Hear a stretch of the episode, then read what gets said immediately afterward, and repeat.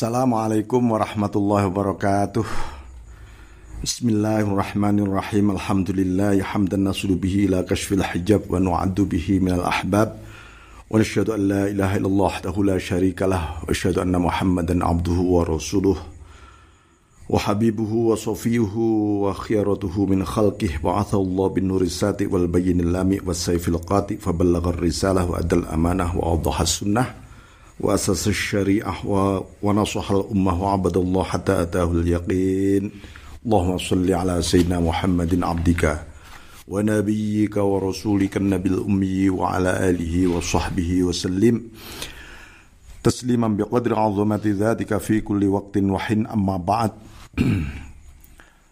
uh, kita melanjutkan satu kajian mengenai halatu ahli hakikah ma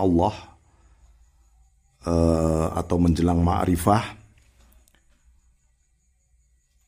satu riwayat dari Abdullah bin Umar bin As radhiyallahu anhuma anna Rasulullah sallallahu alaihi wasallam qala Ar-rahimuna yarhamuhumur rahmanu tabaraka wa ta'ala. Irhamu man fil ard yarhamkum man fis sama. Orang-orang yang melimpahkan rasa kasih sayangnya, maka Allah akan mengasihi, menyayangi orang ini. Ya. Karena itu irhamu mamfil ard. Sayangilah orang yang siapa pun yang ada di muka bumi. Makhluk di muka bumi ini harus disayang.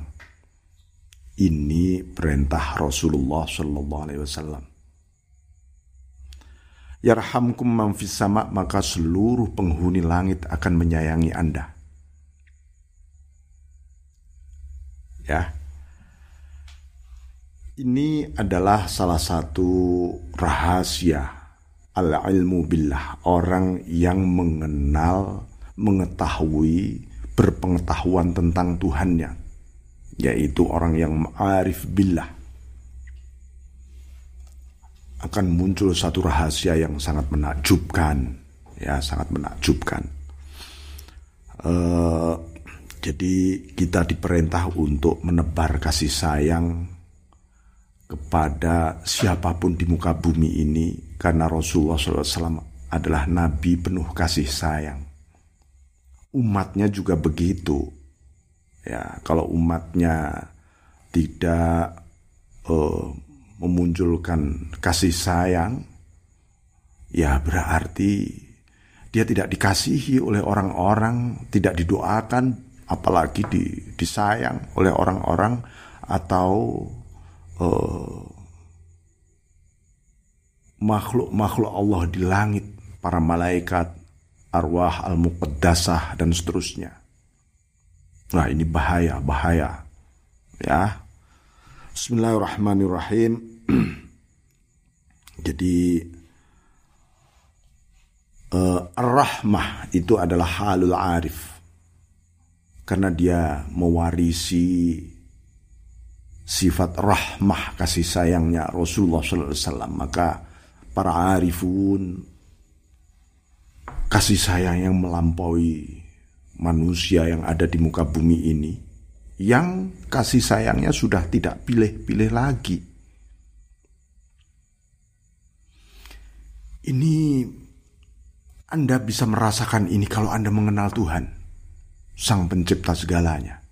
Ya, wa mi'raju qalbihi ila rabbih dengan rahmat itu uh, hatinya mi'raj kepada Tuhannya, membubung kepada Allah.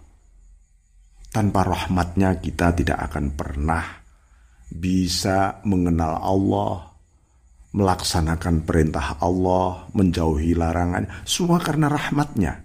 Rahmatnya Allah. Karena itu sifat rahmah ini, kasih sayang ini adalah karakter utama, kepribadian utama yang paling fundamental di dalam diri orang beriman. Ya, Wa inna ibadallah al-arifin madhahiri rahmati rabbil alamin fil makhlukin. Lah, orang-orang arif itu adalah madhahir. Uh, ekspresi kalau kita ingin melihat ekspresi rahmatnya Allah di mana di dalam diri orang-orang arif, orang-orang yang makrifah kepada Allah. Siapa pun yang mengaku makrifah kepada Allah tetapi tidak ada kasih sayang di dalam jiwanya, tentu bisa palsu, ya, atau uh, sedu su, uh, sedu ma'rifah namanya. Itu ma'rifah ilutif semu. Wa subhanahu arhamur rahimin. Sedangkan Allah adalah zat yang paling penyayang dibanding siapa pun jadi inilah inilah cara kita diajari oleh Rasulullah SAW mencerap rahmatnya Allah. Ya, dengan kita menyayangi pada sesama tentu saja. Kasih sayang yang sejati. Bukan kasih sayang yang terbatas oleh kepentingan. Nah, ini namanya kasih sayang semu. Kasih sayang sampai di hadapan Allah di dunia, di akhirat hingga di hadapan Allah. Maka Rasulullah Wasallam ketika seluruh uh, nabi dan rasul angkat tangan ketika diminta syafaah oleh seluruh umat manusia besok di hari akhir. Terakhir adalah Rasulullah Muhammad Sallallahu Alaihi Wasallam dan beliau sujud hanya menyebut ummati ummati Duh umatku, umatku. Umatku, umatku. Ini karena kasih sayang beliau yang melampaui segala-galanya kepada umatnya. Sedangkan para nabi yang lain, para rasul yang lain masih memikirkan nasibnya, masih nafsi-nafsinya masih ada. Nah ini teladan yang dari Rasulullah dalam perspektif kemakrifatan. Karena apa?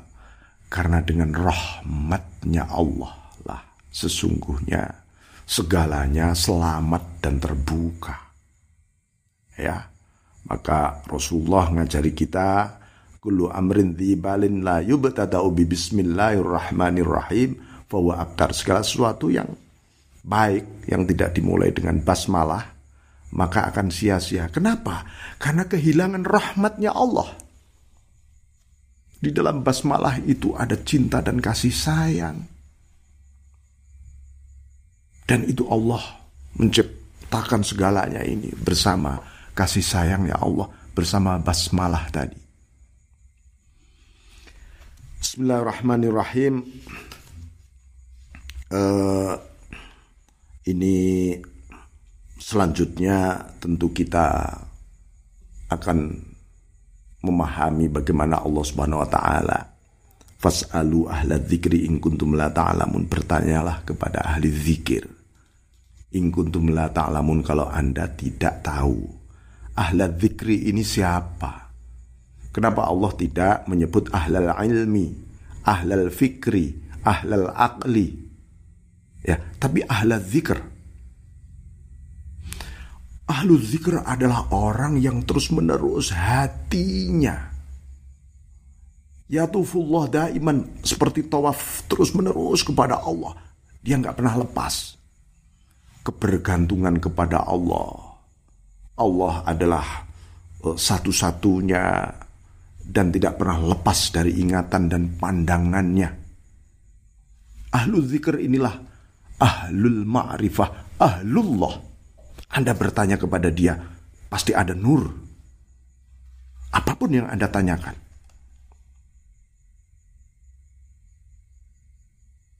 Nah, ini maka ini tentu ada etika, adab bagaimana mencari ilmu dan seterusnya. Ya. Nah, suatu ketika ada satu kisah ini uh, kisah Zunun al-Misri ya ketika di Maroko uh, beliau sempat uh, di sana untuk kholwat untuk zikir terus menerus selama 40 hari. Ya. Jadi ini rupanya ingin berguru beliau kepada seorang arif. Rupanya dia seperti tidak punya waktu untuk sowan, untuk hadir di hadapan sang arif ini. Dan kepingin sekali padahal beliau ingin sekali saya ingin mencerap ilmu dari dia, kata Dunun. Nah, karena dia saking hormatnya nggak ingin melukai adab. Nah, suatu ketika mak akhirnya sang guru ini bertanya, dari mana ini pelancong ini gitu. Lalu beliau mengisahkan perjalanannya selama ini. Lakta bismina ilmik. Saya ingin sekali mencerap ilmu Anda. Jawab beliau hanya begini, Ittaqillah wasta'in bih wa tawakkal alaih fa innahu waliyun hamid wa sakata. Dah gini aja, takwa saja kepada Allah. Ya, mohon pertolongan kepada Allah lalu berserah dirilah hatimu kepada Allah karena Allah lah waliyun hamid sang uh, pemilik ya pemilik yang menguasai uh, yang uh, apa uh, sang kekasih yang terpuji dan habis itu diem saja sudah Fakultu zidni rahimakallah fa inni rajulun gharib ji'tuka min baladin ba'id. Tambah lagi, tolong ditambah lagi ilmumu. Semoga Allah merahmatimu. Saya adalah orang yang begitu asing dan saya datang dari negeri yang begitu jauh. Saya ingin bertanya tentang banyak hal kepada Anda. Beliau menjawab, Amu ta'alimun, am alim, am munadir. Kamu ini pelajar, apa kamu ini ulama, atau kamu ini peneliti? Pertanyaan dari guru itu. Bal muta'alimun muhtaj. Itu jawabnya Dunun. Aku adalah seorang pelajar yang sangat-sangat butuh ilmu pengetahuan. Kif kata beliau qala kif fi darajatil muta'allimin wahfidil adab wala tata'id fa innaka in ta'addaita fazata 'alaika naf. Dah. Cukup kamu diem saja ya. Kamu ada di posisi sebagai pelajar. Dan jagalah adab. Jangan ke mana-mana. Jangan ke mana-mana pikiranmu.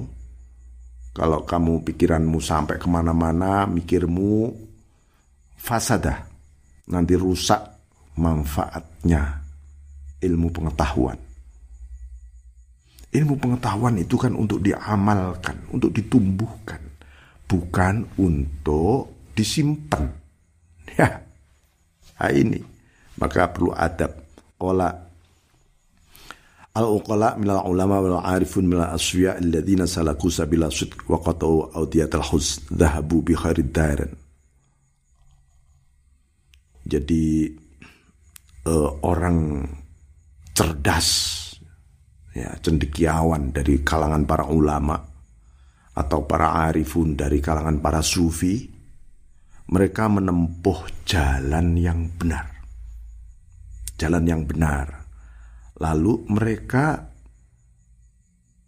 uh, memutus diri audiatal hazan.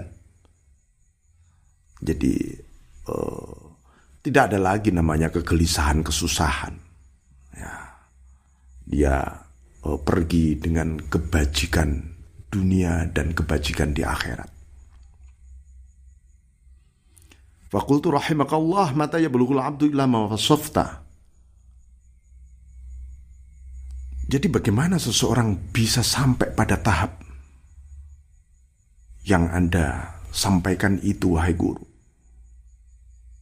idza kana khar uh, idza kana kharijan minal asbab ya kalau seseorang bisa keluar dari sebab akibat Sebab akibat itu bisa berarti ikhtiar, usaha, ini macam-macam yang ya yang uh, dia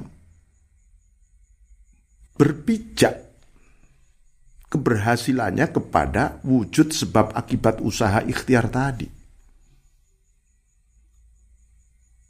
Padahal Allah itu musabibul asbab ya beberapa kali saya sampaikan. Ah, Allah itu sang penyebab.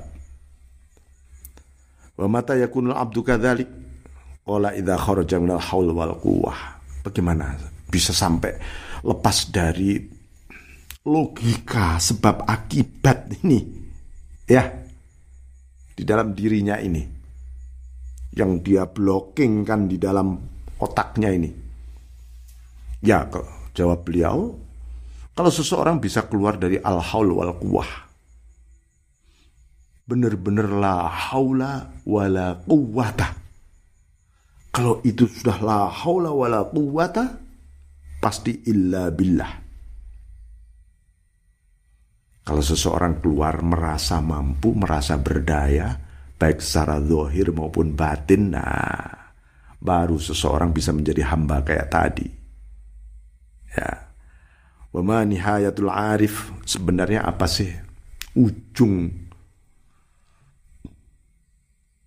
yang ditempuh oleh orang-orang arif itu? Beliau menjawab ayat bil kuliah kal ma'dum inda wujudih. Semua yang ada di dalam menjadi miliknya seperti nggak ada sudah punya kekayaan, nama besar, jabatan, masa lalu, leluhur, ini dan seperti nggak ada. Kira-kira begitu. Kalau sudah itu, nah dia memasuki wuslah ini wusul sang arif ini.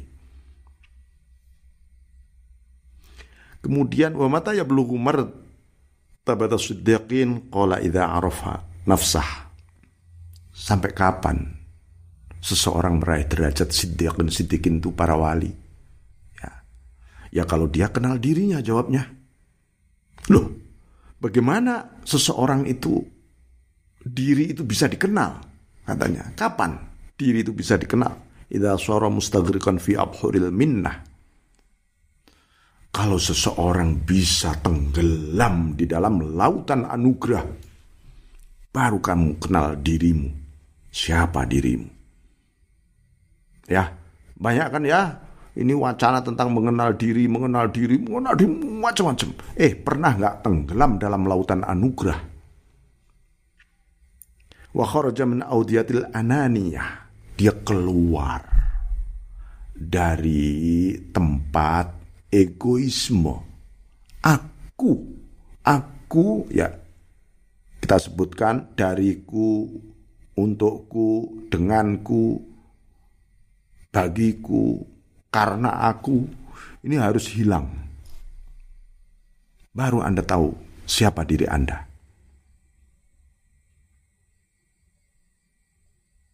Ya, ini uh, waqoma ala uh, sini dia tetap berdiri teguh di atas kaki atau tapak keluhuran.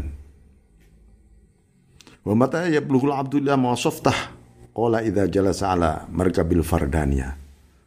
Terus bagaimana bisa sampai seperti itu? Ini bertanya terus ini.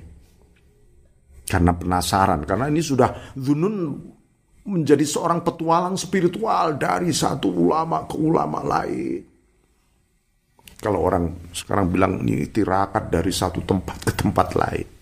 Gimana sudah nyampe? Belum nih sampai ke sana bagaimana caranya? Idza jalasa ala markabil fardaniyah. Jika seseorang itu bisa duduk di atas kendaraan fardaniyah, kendaraan ketunggalan ilahiyah. Nggak ada yang lain sudah. Nah, wa mamar kabul fardaniyah qala al-qiyam bi sidqil ubudiyah. Ini kayaknya kok sulit banget sih. Kok dalam banget sih. Sebenarnya ya enggak. Bagaimana sebenarnya kendaraan fardaniyah itu? Beliau jawab, apa itu? Al-qiyam bisidqil ubudiyah. Anda tegak dengan sifat kehambaan yang benar. Ya. Ini benar-benar iya karena bud. Ah ini sit sitkul ubudiyah itu. Wa ma sitkul ubudiyah al-amalu lillah war ridha bil qada. Bagaimana ya sitkul ubudiyah menjadi hamba kehambaan ini bisa benar-benar ya kalau Anda melakukan seluruh amaliyah ini lillahi ta'ala. Nggak ada li yang lain. Bukan untuk surga bukan untuk pahala bukan untuk uh, bukan untuk apalagi untuk kepentingan dunia tapi lillahi ta'ala. Itu baru benar kehambaanmu. Karena kamu ini hamba dan kamu diciptakan untuk dia. Nah, ridho rela dengan ketentuan Allah. Karena ketentuan Allah tidak ada yang cacat. Ya. Kultu ini kalau begitu beri aku wasiah, tausiah. Wasiat beri aku. Udah ini yang terakhir dah ini. Apa? Usika billah. Aku wasiat dirimu ya. Billah. Kapan di mana saja engkau harus bersama Allah. Apa yang kamu kerjakan billah bersama. Kamu beribadah beramal billah bersama Allah. Ini masih kurang. Qultu zidni tambahi lagi guru. Hasbuk. Qala. Udah cukup. Ya, cukup. Ya, amalkan itu. Bismillahirrahmanirrahim. Nah ini di dalam bab ini luar biasa memang. Nah ini ada satu kisah lagi suatu ketika Syekh Abdul Wahid bin Zaid seorang sufi besar ya beliau berjalan dalam salah satu perjalanan ketika beliau ini uh, ketemu dengan seseorang yang menggunakan pakaian yang agak jembel gitu. Lalu beliau mengucapkan salam dan mengatakan rahimakallah as'aluka mas'alah. Jadi karena di hati Syekh Abdul Wahid bin Zaid melihat si gembel ini ada oh, apa ya lintasan cahaya, kearifan, kemakrifatan.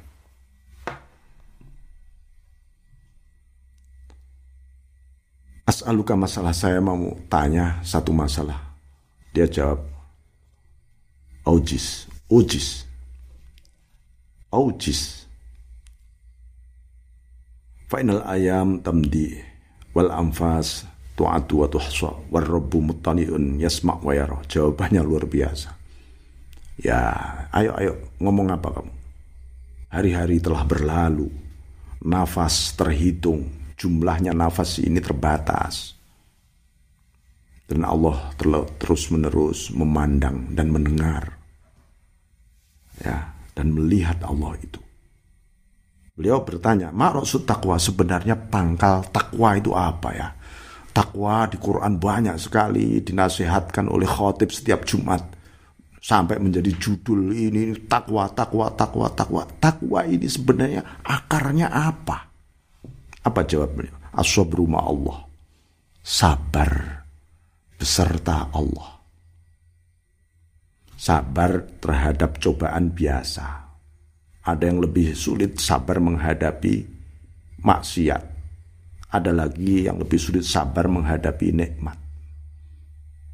Sulit ya menghadapi nikmat sabar bersama Allah. Itu artinya berserasi kita, hati kita untuk ridho bersama Allah. Itu ya. Lah pangkal sabar apa maroksus sabri atawakul ala Allah. Pangkal sabar itu tawakal. Hatinya berserah diri pada Allah. Pasti sabar. Orang nggak bisa sabar kalau nggak ada tawakal, maksudnya begitu. Wama raksud tawakal. Lah bagaimana ini pangkal tawakal? Ujungnya akarnya apa? Al ingkito ilallah. Putuskan dirimu hanya menuju kepada Allah. Kamu baru bisa tawakal. Wama rasul ingkito akarnya memutuskan diri hanya untuk Allah ini apa? Al infirad lillah. Sendiri hatimu ini spesial hanya untuk Allah saja. baru kamu bisa memutuskan diri hanya untuk Allah. Wama Rasul infirat. Akarnya infirat apa? At-tajrid amadunallah. Kamu harus melepaskan segala hal dari hatimu. Segala hal selain Allah. Ala wama ala asya. Jadi ini ini satu pertak dialog uh, para sufi, para arif ya yang dahsyat sekali. Ya. Yang paling enak itu apa sebenarnya? Beliau jawab al-unsu bidzikrillah. Ya, bahagia berzikir pada Allah. Itu paling enak. Nggak ada yang lebih enak daripada berzikir, bahagia berzikir. Mungkin kita berzikir terpaksa kali ya, Wah, baru ini sudah sampai berapa ini hitungannya udah ngantuk, udah mulai males. Ini kok lama banget. Namanya nggak pernah al-unsu. Tidak pernah bahagia dengan zikrullah namanya. Ayo dimulai, dimulai. Ketika berzikir itu yang bahagia gitu loh.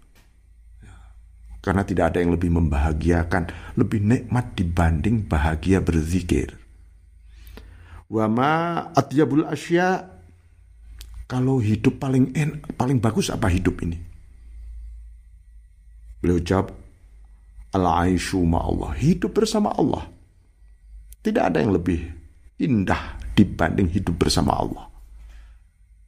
Ya. Nah itu fasilitas yang macam-macam yang dibangun sampai bersaing macam-macam itu apa itu? Itu ilusi itu ilusi dan tetap saja sebagai mimpi dan tidak pernah nyata. Nggak ada yang bahagia itu. Tanya saja.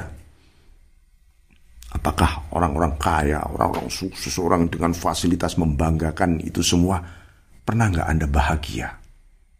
Ayo jujur dia suruh jawab.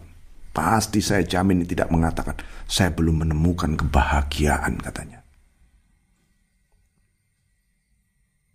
Karena bahagia itu hidup yang paling bagus, indah adalah hidup bersama Allah. Kapan, di mana saja merasa Allah menyertainya. Ma akrobul asya, apa sih yang paling dekat? Sesuatu yang paling dekat itu sebenarnya. Beliau jawab, al billah. Ya dekat dengan Allah, sudah. Ayu ja'ulil qalb apa yang membuat hati jadi lapar, dahaga, gersang? Beliau jawab, Firokullah, berpisah dengan Allah. Mungkin banyak masyarakat modern yang hatinya kelaparan. Dan kemudian pada banyak penyakit gara-gara kelaparan. Lalu banyak pikiran-pikiran yang agak gila yang dianggap itu pikiran waras.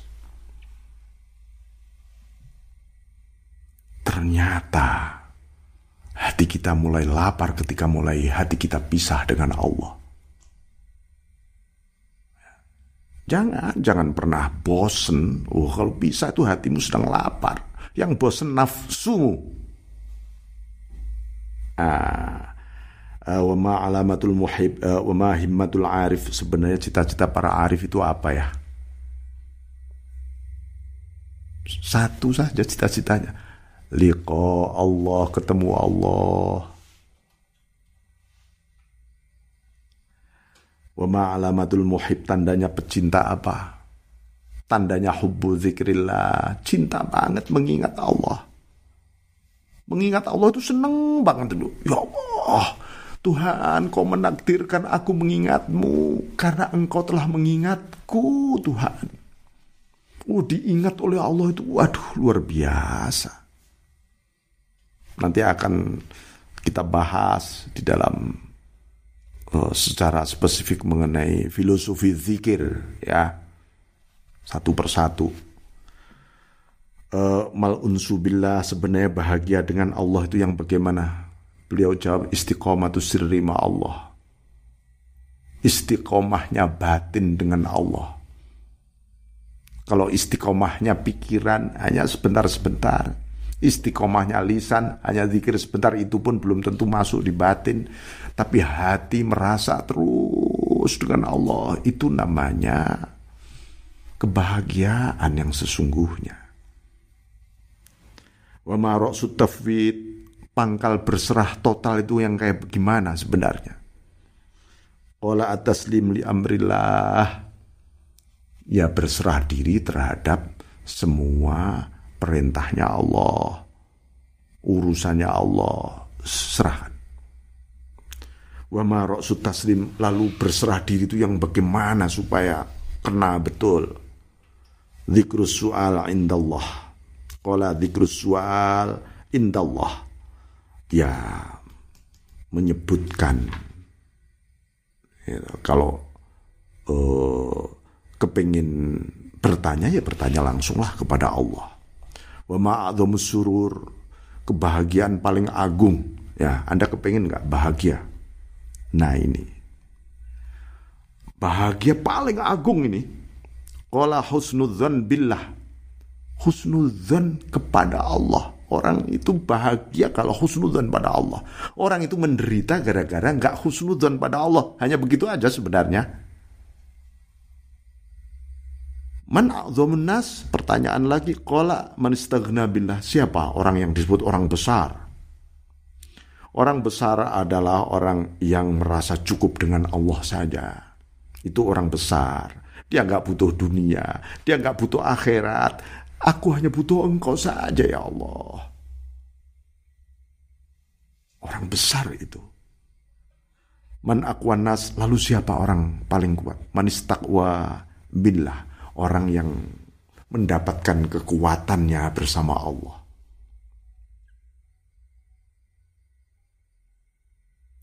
Pertanyaan terus, mal maghbun. Siapa orang yang bangkrut? Pola bi ghairillah, orang yang ridho kepada selain Allah. Ridho kepada selain Allah itu alamat rugi sudah hancur. Ya. Uh, malmuruah. Apa yang disebut dengan harga diri? Qala tarkun nuzul bidunillah.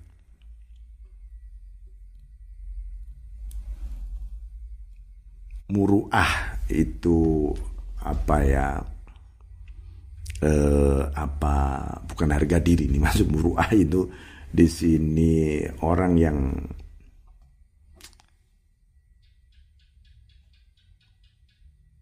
merasa menonjolkan diri sehingga orang menjadi riak sebenarnya begitu siapa tarkun nuzul bidunilah ketika dia masuk ke alam dunia ini tanpa Allah. Dengan diriku, dengan kemampuanku, wah itu muruah itu.